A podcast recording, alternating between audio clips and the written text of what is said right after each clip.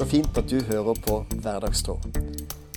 Vi håper at dette kan være med å inspirere deg til å leve som kristen i hverdagen. Mitt navn er Rune Tobiassen, og i dag så samtaler jeg med Maren og David Reme om å forvalte talentene sine i næringslivet, om å komme bak fasaden, og om gudstjenesten som starter mandag morgen. Samtalen er spilt inn live på arrangementet Lys i mørket i Østsida frikirke. Vel bekomme.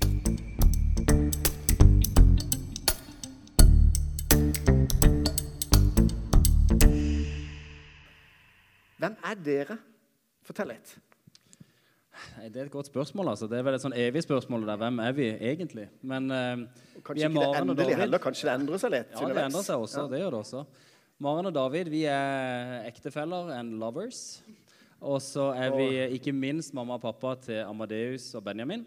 Eh, så det er jo en sånn family first. Eh, viktig. Eh, og så er vi aktive i mange forskjellige ting. Begge to, hver på vår kant. Vi, min hovedjobb eh, er å være i BRG, hvor jeg ca. 60% av tida. Og så har jeg et par, eh, en god del andre ting egentlig på de resterende 40. Eh, så, så det er jo litt om meg. Og du?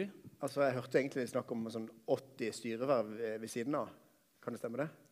Eh, ja, det kan nok, det kan nok stemme. Ja. Ja. Det, det er på det er de sånn litt ved siden av i den 40 Ja. %-stillinga der. Jeg synes det, det Ja, flott. stemmer. Ja, og jeg heter Maren Flåttvar Eme. Ja, gift med David. Jeg er 37 år faktisk nå. Drar på årene. Um, jobber til daglig med å lage mer, eh, merkevarer for influensere. Eller tøy og interiør, egentlig. Ganske sånn eh, nylig, så jeg kan fortelle mer om etterpå. Ellers så har jeg jo sunget mye tidligere, i mange år. Det har vært en stor del av, av livet mitt. Um, men så er det jo en heltidsjobb å bare være gift med David. Så jeg føler Og jeg har 200% stilling. Hva, hva responderer du egentlig på den? Nei, jeg, jeg, det, det frister jo også bare å svare at du får godt betalt for det. Så det er jo Men, men, Men i himmelen, sier er helt, men hun har helt rett, altså. Det, du skal tidlig opp for å følge med. Ja. Ja. Så spennende. Men, men nå trives dere best, da? Hva er det som gjør at dere liksom kjenner at dere Nå, nå, nå lever vi. Nei, det tror jeg må være eh, når vi klarer eh, å finne roen på en måte bare oss. Oss som par eh, og oss som familie. Eh, og det kan godt være at det er vanskeligere for oss enn en del andre. Eh, men når vi klarer det, så er det veldig veldig godt. Så det er noe vi jobber mye med. da, Å klare å skaffe eh, lommer og rom som vi kan klare å ta det helt ned og bare være oss. For det, det, er mye, det er mye behov, det er mange ting som skjer, det er mange steder man burde ha vært, skulle og kunne ha vært. Men det å faktisk ta seg tid til de aller nærmeste er noe som eh, vi må minne oss sjøl på hele tida. For ikke bare skal ja, være der for alle andre, men også være der for oss. Så aller best vil jeg påstå at vi har det når vi klarer å bare finne roen i oss og, og sammen med barna. Sammen barna. Og i den gode samtalen med nære venner vil jeg si at eh, hvis du sier hvor jeg trives aller best Jeg kjenner at vi kan bare være ta alt helt nær. Være ærlig, ekte om livet. Eh, bare kjenne at det er ekthet og kjærlighet. Og ja, at du bare har hvilepulsen. Og da har iallfall jeg det veldig godt. Mm. Så fint. Og det, Jula er jo en sånn tid som derfor, der har dere sagt bevisst at nå ønsker vi å roe ned. Den tida, da skal dere ha litt mer tid for, for dere sjøl. Og så for jeg fulgte dere på Facebook, så så jeg også at dere en periode reiste rett og slett til USA for å ta en sånn en timeout. på en måte.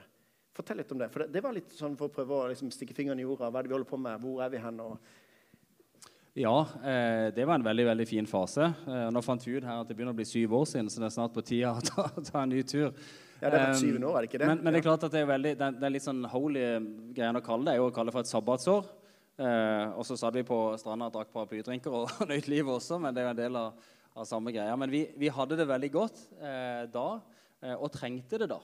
Det var en fase hvor både Maren hadde vært faktisk slitt med en del helseutfordringer, eh, og hvor jeg sjøl eh, sleit med det som jeg fortsatt har en tendens til å slite med, med at jeg jobber for mye. Eh, og vi trengte rett og slett å og Vi måtte gjøre det så brutalt da, at vi rykka litt sånn kraftig opp og, og fikk litt sånn ordentlig tid eh, bare for oss sjøl.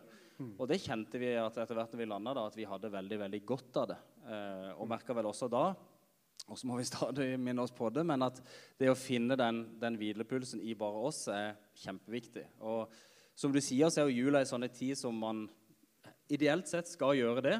Eh, og så er det jo eh, sånn som det allikevel blir, da, litt som jeg prater med min gode venn Gard om her, at vi liksom vi gønner skikkelig på for å skal bli ferdig til jul. Og da skal du liksom krasjelande, da. Så det beste er vel egentlig hvis du klarer å ha en sånn ei kurve ned mot at du finner julefreden. Så det får vi prøve å få til. Og så eh, tenker jeg litt, Du sa, nevnte det i forbindelse med god prat med gode venner osv. Og så liksom snakke om, om sånn som vi egentlig har det. For Noen ganger så blir det jo fasade. ikke sant? Når vi ser på hverandres Facebook-profiler og to flotte mennesker som dette, tenker, kan, dere, kan, dere ha, kan dere ha noen utfordringer? Kan dere på en måte, ikke sant? Det er jo litt sånn av og til. Vi ser på hverandre og tenker bare Oi, de har det perfekt. Eh, og, altså, for min del så kjenner jeg bare at eh, jeg har følt meg alt annet enn perfekt det siste året. Jeg bare tenker jeg føler meg som gjennomsiktig laken når jeg går på butikken, for jeg var så sliten. Og, men så er det bare noe som er så fint, som jeg tror korona lærte Norges befolkning. Og det var faktisk å bare bli mye mer ærlig om livet, om hvordan vi egentlig tar det. Um, for sannheten er jo at det, altså, eh, det fins noe bak hver ei dør, var det en gang bestemor mi sa til meg. Og det er helt sant. Alle har sine ting. Og er det, noe som jeg, det har lært meg så mye det siste året om at, det, at mennesket er komplekst. Mm. Det er så mye mer til mennesket enn hva vi ser. Og, og, det å ikke forhåndsdømme, men virkelig bare ha raushet og nåde med hverandre. For at jeg vet iallfall hvor mye jeg eh, eh, har mangler i og i forhold til mine venner, i forhold til min familie, hvor jeg ikke strekker til. Alle ting som jeg må jobbe med i mitt eget liv. Og det å ha nåde med hverandre, det er iallfall noe som jeg i det siste har blitt utrolig påminnet over. Og nå jobber jeg med sosiale medier, så jeg tror jo det er når du ser på hva som folk skriver om hverandre i media og, og på Facebook og alt mulig, og det kjenner jeg bare at Wow, vi må ta en pustepause, og så må vi begynne med oss sjøl. For jeg tror egentlig vi har mer enn nok med oss sjøl når vi tenker på det. Veldig fint det du gjør. da. Takk. Og så er du veldig god på dette å framsnakke andre mennesker. Du løfter fram andre, så det er en viktig bit. Ikke, ikke den der harde greia, men å faktisk løfte opp andre. Du ser eh, Ja, du, du heier på dem. Tusen takk. Det, tusen takk.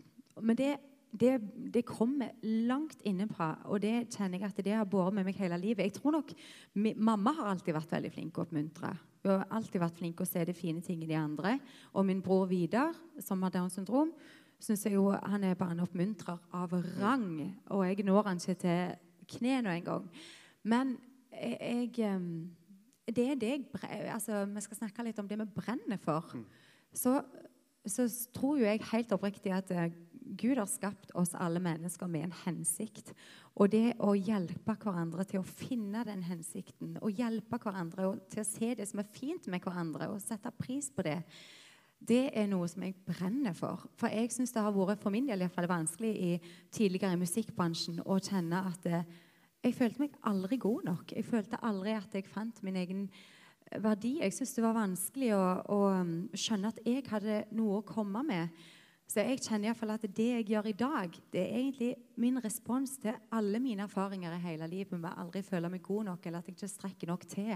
Jeg ønsker, være, jeg ønsker virkelig å være um, et menneske som ser og heier på, og som er godt å være sammen med. For det trenger jeg sjøl i de menneskene rundt meg. Mm. Så fint. Og du, den, den erfaringa du også hadde i forbindelse med å reise rundt fra, på turné fra Du var ufattelig mange konserter du hadde rundt forbi. Da nevnte du for meg at samtidig som du var på en måte midt i skuddet, så hadde du likevel så kjent på en ensomhet i dette. Eh, og Den erfaringen har du lyst til å ta med deg videre nå for å være med og hjelpe andre som står i en utsatt posisjon, står alene eller står i en framskutt posisjon, kanskje. Mm, absolutt. Jeg tror altså jeg tror vi alle kan kjenne på ensomhet i, uansett hva du, hva du, holder på med. Og jeg kjenner iallfall at jeg kan kjenne på ensomhet. Og, og, um, og, når jeg reiste rundt i alle år som jeg gjorde det, så kjente jeg at jeg, jeg jobba når andre hadde fri. Sant? Tre julaftener var jeg i Nordsjøen og sang for, Stat, for Statoil. Um, jeg gjorde annerledes ting enn veldig mange andre, så jeg følte meg veldig det var få som skjønte egentlig hva jeg holdt på med, og min hverdag. Og alle de dagene jeg var alene på hotellrommet etter jeg hadde hatt en jobb og, og måtte liksom prøve å lande da, etter sånn sinnssyk adrenalinkick og gitt alt på scenen. Og så skulle jeg på en måte prøve å finne meg sjøl igjen og, og, lande alene på et hotellrom etterpå. Mm. Det syntes jeg var skikkelig vanskelig. Og um, Jeg husker ikke spørsmålet ditt, men det er iallfall der jeg havna. Så jeg, Ja. kan du bruke det til noe? Du havna på et hotellrom alene. Jeg havna på et hotellrom. La du være alene. Men du, du bruker rett og slett den erfaringa også nå til å være med og heie på de som står litt alene. Og bare ta litt eh, over i hva du brenner for nå. Ja. For, si litt om hva, du, hva som er din jobb akkurat nå for tida, før vi går over på David etterpå. Ja. Um, jo, jeg kan jo gjerne si det først at uh, når jeg reiste rundt omkring i, i masse Kristen-Norge og sesong, så kjente jeg at jeg, jeg visste ikke helt hvor jeg skulle ringe når jeg var veldig sliten. Eh, når jeg hadde VG og Dagbladet, så ringte jeg hva syns du om vanskelige spørsmål. For, altså, mange vanskelige spørsmål. De ringte og spurte meg om jeg var 18 år. Um, jeg hadde på en måte ikke um, den plassen jeg kunne gå til å bare være Maren, som bare ikke forventa noe av meg, ikke trengte noe av meg, men en plass som jeg bare kunne være, egentlig. Um, når jeg var sliten, og når jeg hadde brukt alt. For jeg kjente jo at det var kallet mitt i den perioden, og det er det fremdeles, men bare på en litt annen måte. Å virkelig være der ute. Jeg opplevde påvirkerrollen. Jeg så hvordan det var å stå på en scene og synge for 1000, 100 eller 50 ungdommer og kunne dele hjertet mitt. Og jeg så at hadde Jeg hadde en arena, jeg hadde en scene, og, jeg, og Idol hadde åpna mange dører for meg. Altså jeg, jeg kjente jo at det var så utrolig fint å få lov til å være med på. Så det var jo der eh, jeg begynte å drømme om eh, det å kunne være et støttesystem og et støtteapparat for en sånn type bransje. Og har prøvd å være der eh, på Facebook og sosiale medier for de som har vært der ute med bare å være ei storesøster. Men etter hvert, når jeg begynte å se influenserbransjen, og så at ja, her er det jo ingen støtteapparat, her er det ingen støttesystem, eh, så kjente jeg at nå er det jo business jeg jobber med først og fremst. Eh, å lage merkevarer på vegne av disse influenserne. Men, men òg det å være bare en trygg voksen. Eh, en person som du kan speile deg i, som ikke egentlig forventer noe av deg, men som bare er der, og som skjønner bran bransjen kanskje, kanskje litt, for jeg har vært der sjøl. Så jeg syns det er utrolig rikt å få lov til å være akkurat der. Så spennende. En storesøster, sa du. Så du kan være der og, og, og ikke, Det er da mer enn akkurat selve forretningsideen. Det er det også litt at du skal være der og, og, støtte dem. Du har faktisk hatt noen som bor hjemme hos deg fordi at du har lyst til å være der for dem. Ja. Ofte så er det folk som kommer hjem til meg og, eller bor oss og, og og har bodd hos oss tidvis over en periode. Jeg har jo ofte jeg har hjerter, jeg har hjerter fra jenter, spesielt som ønsker noe, som vil noe, som trenger en ekstra støtte. Um, og det kom nok fra at jeg trengte det veldig sjøl. Um, Så så det er veldig fint å få være Sterkt. Og så er det gøy hvordan du ser hvordan en forretningsidé og har en businessidé, og likevel har det på en måte på en, eh, på en hva skal jeg si, du, er, du ønsker å være en kristen i hverdagen. på en måte, At du ønsker å på en måte være bevisst hvordan du er det. Og så kan du være med og heie og støtte samtidig som at du hjelper dem opp og fram. Jeg synes det er et stilig konsept som jeg bare må spørre deg om. fordi at det, Når du jobber med disse influenserne, så, så utfordrer du dem egentlig litt på det å, å ikke bare være seg sjøl nok. Og på en måte en sånn, nesten en tiende eller ti prosent som de skal gi til noen som Fortell litt om dette. Det er vi i kontrakten, Ja. nesten. Det er vi i kontrakten. Og det, um, det, det er jo noe som vi kjenner fra kirkelige sammenhenger, det med tienden. Og det uh, egentlig så åh, Jeg skulle gjerne dratt hele historien, men i 2011 så amma jeg min første gutt, Amadeus. Han var tre måneder. Så så jeg en dokumentar om, om borgerkrigen i Kongo. Jeg så hvordan eh, nå skal ikke jeg gå i detaljer, men jeg så hvordan familier virkelig ble revet i, i fillebiter. Og at kvinnene sto alene, hadde mista egentlig resten av, av familien sin. De hadde mista livsgrunnlaget sitt. De hadde mistet, uh, ja, de hadde jo, det var mennene som hadde stått for utdannelse og jobb, så de hadde ikke inntekter til å kunne være forsørger for familien. Og, de, og mange hadde mista barna sine. Og det gjorde den, den dagen så, så ble jeg helt forandra. Det kan jeg si. Det prega meg så sterkt at jeg så at eh, mine medsøstre som bodde litt lenger sør, opplevde, sto i så forferdelige greier og hadde opplevd det. Og jeg tenkte hva, jeg, dette kan ikke jeg se på uten å gjøre noe. Og det jobba jeg meg i flere år. Så nå spoler jeg litt fram til 2013, når jeg var, gjorde en musikal i USA så, så hadde jeg en, eh, sånn eh, en refleksjonsperiode eh, der jeg hadde litt sånn ro. Jeg var alene, David var ikke kommet over. Og, og jeg tenkte litt over de store spørsmålene i livet. Jeg tenkte liksom hvor jeg var på vei, hva jeg holdt på med. Og, og jeg så eh, Nei, og jeg ønska egentlig å, og kjente at jeg ønska å gjøre noe for disse her kvinnene. Det hadde liksom ligget i hjertet mitt. Mm. Og så satt jeg og så på ei veske jeg hadde med meg. Ei altfor dyr veske som jeg hadde kjøpt meg. Og så tenkte jeg hvem som har lagd den veska? Hvem som har sydd den? Eh, hvor, mye, eh, hvor, mye, ble de betalt? Hvor, hvordan var det med dyrene når skinnet? Altså alt, hele den historien til den veska. Hvem er det som eier og får de pengene egentlig når jeg betaler dette? Og så tenkte jeg tenk om vi kunne starte et konsept der vi fikk kvinner som hadde det vanskelig, til å sy en veske, så kunne vi selge det i Norge og flippe det gjennom sosiale medier. Det var tanken min. Så det var i 2013. Og så begynte det med at vi investerte egentlig i Chosen og Becka og litt sånne forskjellige som merkevarer her i Kristiansand. Og så lærte jeg egentlig logistikken til, til klesproduksjon gjennom det. Og, så, og når egentlig jeg så dette med sosiale medier og, og kjente på meg sjøl som påvirker og det å ha egne produkter, så, så, tenkte jeg de må jo ha egne produkter istedenfor å løfte opp andre sine produkter. Og da sa jeg at jeg har lyst til å gå inn og investere og hjelpe dere. Jeg traff et par her i Kristiansand, Kristoffer og Monica Nyhus, som jeg begynte med. Men jeg sa vi er nødt for å gi 10% av overskuddet til noe som dere brenner for. Noe som skal bli bedre for at dere gjør dette her. Mm. Og, og, sånn begynte det egentlig. Mm. Og Da kan de finne sitt prosjekt sjøl som de brenner for. Ikke nødvendigvis det prosjektet, men da er det de sitt eget prosjekt. Mm. Så stilig. Du, det er jo noe med det der å ikke være seg sjøl nok, da, som ligger i det, og som du også ønsker å gi videre. akkurat det konseptet. Absolutt. Så fint. Altså, jeg kunne jo hørt masse mer om dette, men, men, men her, du er også involvert i dette på en eller annen måte. For plutselig så bor noen hjemme hos dere. og, og Dette er ikke bare Maren som gjør. Dette Nei, det er ikke, ikke bare bare. Nei, du, det, det, er veldig, det, er veldig, fint, det. altså. For jeg har jo sett uh, hjertet til Maren og det som, hvordan hun har brent for å få dette til. og da, Det er også veldig gøy å se hvordan det nå materialiserer seg uh, og blir nå og multipliserer seg, egentlig. Um, men jo, hun, har jo, uh, hun har jo hjerte for dette, og så syns hun ikke business er noen ting gøy. det syns jeg. Det er jeg veldig passion for. Så, så da utfyller vi hverandre godt. Så jeg er styreleder i alle disse selskapene og hjelper litt med den delen av, av strukturen. For jo mer business det blir, jo mer 10% blir det, jo mer nye ting kan du gjøre. Og bygge økosystem. Så det har vært litt min sånn funksjon i det. da, Litt sånn backoffice. Så, uh, så det, har vært, det, har også vært veldig gøy. Og veldig stas å få lov til å jobbe litt sammen. da. Så fint. Og så må Jeg si det, jeg har, respekt for eh, hva du står i, David. Altså, jeg har sett sånn i forbindelse med media at flere krevende ting som har måttet vært fronta i kristne aviser osv. Eh, du har vært styreleder i, i Hillsong, som nå er blitt Puls. Ja. Eh, der var det en, en, greie som du måtte stå i, og var krevende.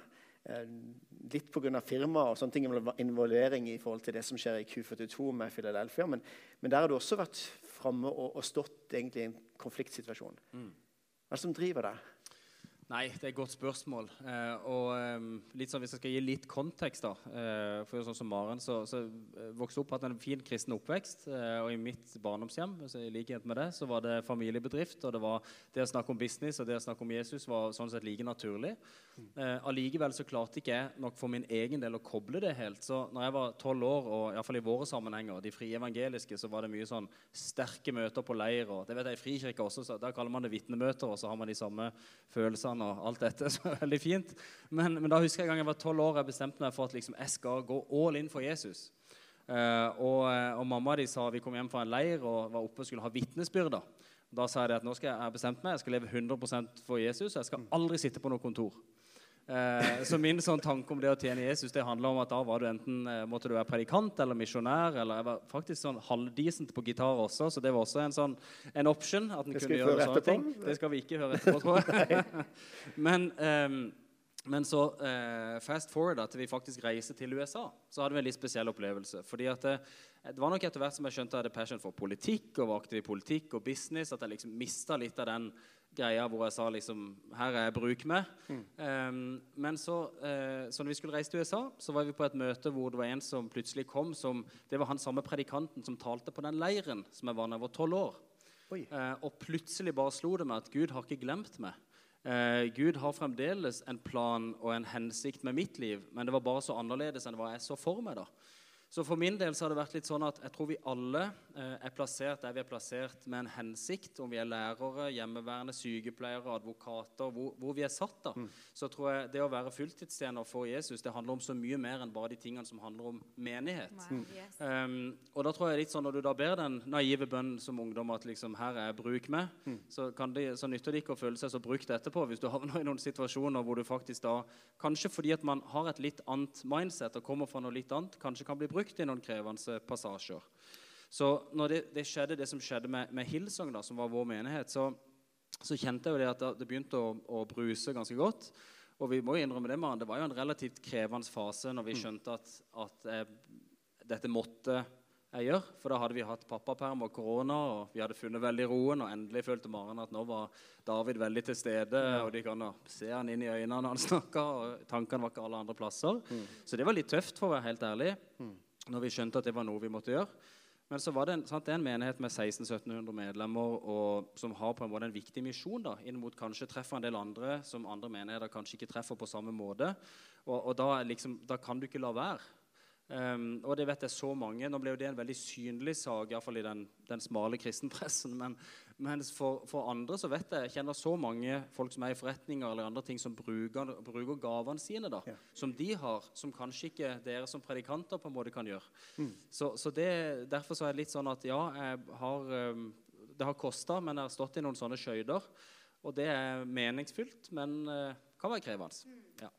Takk for at du deler. Og jeg, jeg tror nettopp det er litt annet, spot on på hva som er hensikten med den podkasten. Fordi nettopp det å heie på kristne der de er, og at de ikke på en måte får det til å bli en sånn greie av at uh, du er hva du gir i kollekt, eller du er hva du tjener inn på, på søndagen i gudstjenesten. Men nettopp, og Derfor synes jeg det er gøy å, å invitere dere. egentlig, for at dere viser noen sider, på en måte, noen områder som, som, um, som spesielt deg, Maren, som er på et område som er, ikke så mange er kjent med. ikke sant? Det er sånn, Eh, det er gøy å få noen forbilder på personer som, som tenker litt annerledes og tenker litt nytt. Så det, det, er litt gøy. Men det er veldig kjekt å få lov til å snakke om det òg, fordi dette brenner jo jeg veldig for. Jeg var på, hos Fremantle, nå, eh, som er sånn, eh, ja, verdens største mediebyrå eller noe sånt, i Oslo. Og vi snakket om en podkast som egentlig eventuelt skulle starte for noen måneder siden. Og så sa jeg, så sa jeg og hadde en veldig god samtale med ei dame der. Så sa jeg altså, jeg elsker Jesus. jeg. Sett meg sammen med en muslim eller en buddhist eller hvem som helst. Tenk alt det vi har til felles. Hvorfor skal vi alltid snakke om de tingene som vi er så uenige om? Jeg tror Det med bare ha en respekt for hverandre, og, og, og ikke minst at det begynner med meg sjøl, hva det egentlig jeg tror på. Og hvis, tro, hvis jeg tror, hva, hva, betyr det da? Og hvis det, hvis det, faktisk er sant? Og for min del så har det bare blitt eh, altså, eh, Det at troa mi er ufattelig viktig for min del. Og det, er, eh, det, gir meg den tryggheten, og den, eh, det er alt for meg, egentlig. Men det er jo ikke sånn at det er segregert når jeg er ute i arbeidslivet eller når jeg er i kirka på søndagen. Altså, Det er en del av meg. Og jeg har bare funnet ut jo mer jeg på en måte bruker tid med Jesus, han, og, han, og, jeg avtar, og han vokser i meg, så, så er det han som får plass i de tingene vi holder på med. Og det er utrolig spennende. Så sterkt å høre. Mm. Jeg tenker jo nettopp dette er å finne de talentene, de gavene, de nådegavene man har fått, og så tjene der man er. Mm. Det gjør dere virkelig. Det er jo skikkelig gøy å høre. Jeg tenker, eh, altså, David, hvorfor er du kristen? Har du tenkt gjennom det? Ja, det, det, har jeg nok. Og det kunne man sagt mye om. Jeg er veldig heldig å ha vokst opp i et kristent hjem. da. Så, så en av de heldige som har fått lov til å på en måte fått høre om Jesus der. Og så tror jeg nok for min del også at uh, de årene som jeg på en måte etter jeg hadde den kallsopplevelsen og kanskje ikke levde så veldig tett på alltid da, Hadde noen faser hvor en på en måte litt, hadde litt avstand. Alltid troa i hjertet, men det betydde ikke så mye. Så var det sånn at For min del så ble troa veldig aktualisert og sterk når jeg skjønte at det var en kobling mellom troa mi og mandagen også. Mm. Ikke bare søndagen. Veldig bra. Uh, for jeg tror at for de aller fleste av oss så begynner vår gudstjeneste ofte mandag klokka åtte der vi er plassert. Så, så for meg så ble troa da viktigere. og ja, at det ble mer integrert da, rett og slett. Men Merker du mye fordommer og mye, altså at folk setter deg i bås når du er rundt og de får høre at du er kristen? eller? Ja, um, men jeg tror nok på en måte, paradoksalt nok, da, så blir en kanskje satt litt i bås begge veier. Mm. For I en del kristne settinger så kan det mm. ofte være nesten mer krevende at man er liksom i business og man holder på med eh, med influensere, man holder på med det ene og det Ja. andre. og litt sånn, at liksom at Folk skjønner ikke helt greia. Um, så, så det kan gå begge veier. Og så opplever jeg ofte at de man minst tror, da, eh, det er de som er åpne og nysgjerrige. eh, og, og faktisk kan ha en veldig altså, altså, sant? Vi har eksempel. En kar som jeg jobber med, som aldri hadde vært i kirka før, han plutselig spurte meg du, um, jeg bare lurte, er det sånn at den det dere holder på med på den gudstjenestegreiene, eller hva det er for noe, det virker som det er så god energi der. Må jeg melde meg på, eller kan jeg komme? eller er det... Så sier jeg at ok, egentlig så er det sånn at det er meg som egentlig skal spørre det, men kanskje litt fint også at ikke jeg maser. Um, og, og jeg opplever at mange da, som ikke har noe forhold til det, faktisk er utrolig åpne. Uh, og det handler ikke om å gå rundt og være sånn, ha sånn være kleiner som sto i Jesus-T-skjorte og føle at du blir fordømt hvis noen kommenterer det, men mer det der med at man bare er seg sjøl, da. Uh, og være ydmyk på at vi Altså, Gud kom ikke når Jesus kom eh, i, i jula. Så, så kom han ikke til de, den perfekte religiøse eliten. Han kom til de som skjønner at de trenger hjelp.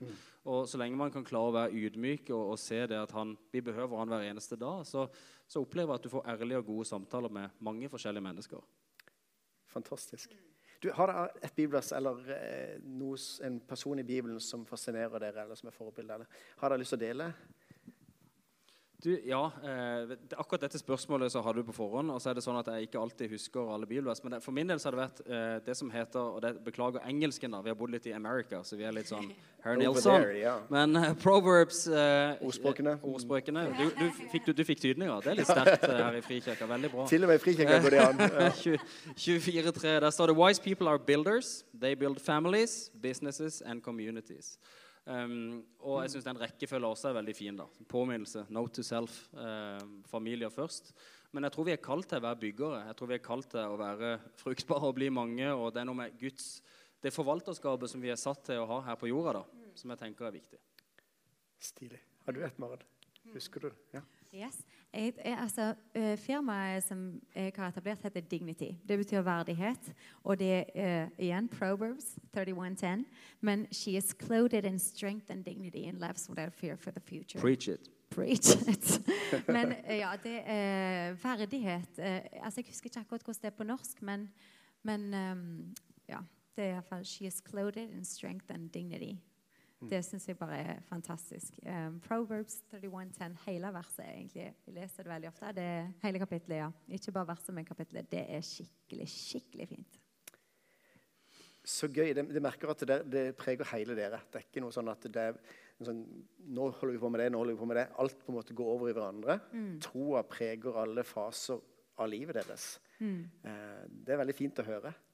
Hva er det som um, Jeg tenker litt sånn eh, Har dere noen tips til oss? Hva kan vi høre? Sånn, et eller annet sånn, sånn til slutt nå, et eller annet dere har lyst til å anbefale oss? Um, en podkast eller en bok eller et eller annet? Ja, for, min del så har det faktisk vært um, en som heter John Mark Comer, som, har, som har hørt mye på i det siste, som snakker veldig mye om dette med, med stress, paradoksalt nok, når det er med. Um, fordi at igjen, Nå snakker vi litt om de, de tingene vi holder på med. og Jeg er alltid litt redd for at det skal høres ut som at vi lever sånn veldig perfekte liv, for det gjør vi absolutt ikke. Vi har mange både issues og ting som vi jobber med som alle andre. Men han, han har på en måte gjenfunnet dette med, med Han sier at hvis du lever i en atmosfære av stress, så kan ikke åndens frukter på en måte vokse fram i det. Det er ikke noe altså, stress og kjærlighet og, og stress og fred og stress og tålmodighet og, og alt dette. Det, det harmonerer ikke, da. Så viktigheten av faktisk eh, ta tid til å være stille, ta tid til å faktisk ha en eh, ha litt sabbat, da. At man ideelt sett klarer å ha en dag som man kutter alle devices og, og finner den freden. Det har vært viktig for min del. Så han, John Mark Comer er en, sånn, en kar eh, som, har, eh, har betydd veldig mye for meg. Anbefales. 'Practicing the Way' heter podkasten. Nå vil vi høre en ny sang, og da er det sammen med de søstre. Ja, så koselig, Katrine. få Da Katrine fram? Og så tusen takk. Nå gir vi en stor applaus. Åh, Takk for at dere har takk. delt. Tusen hjertelig.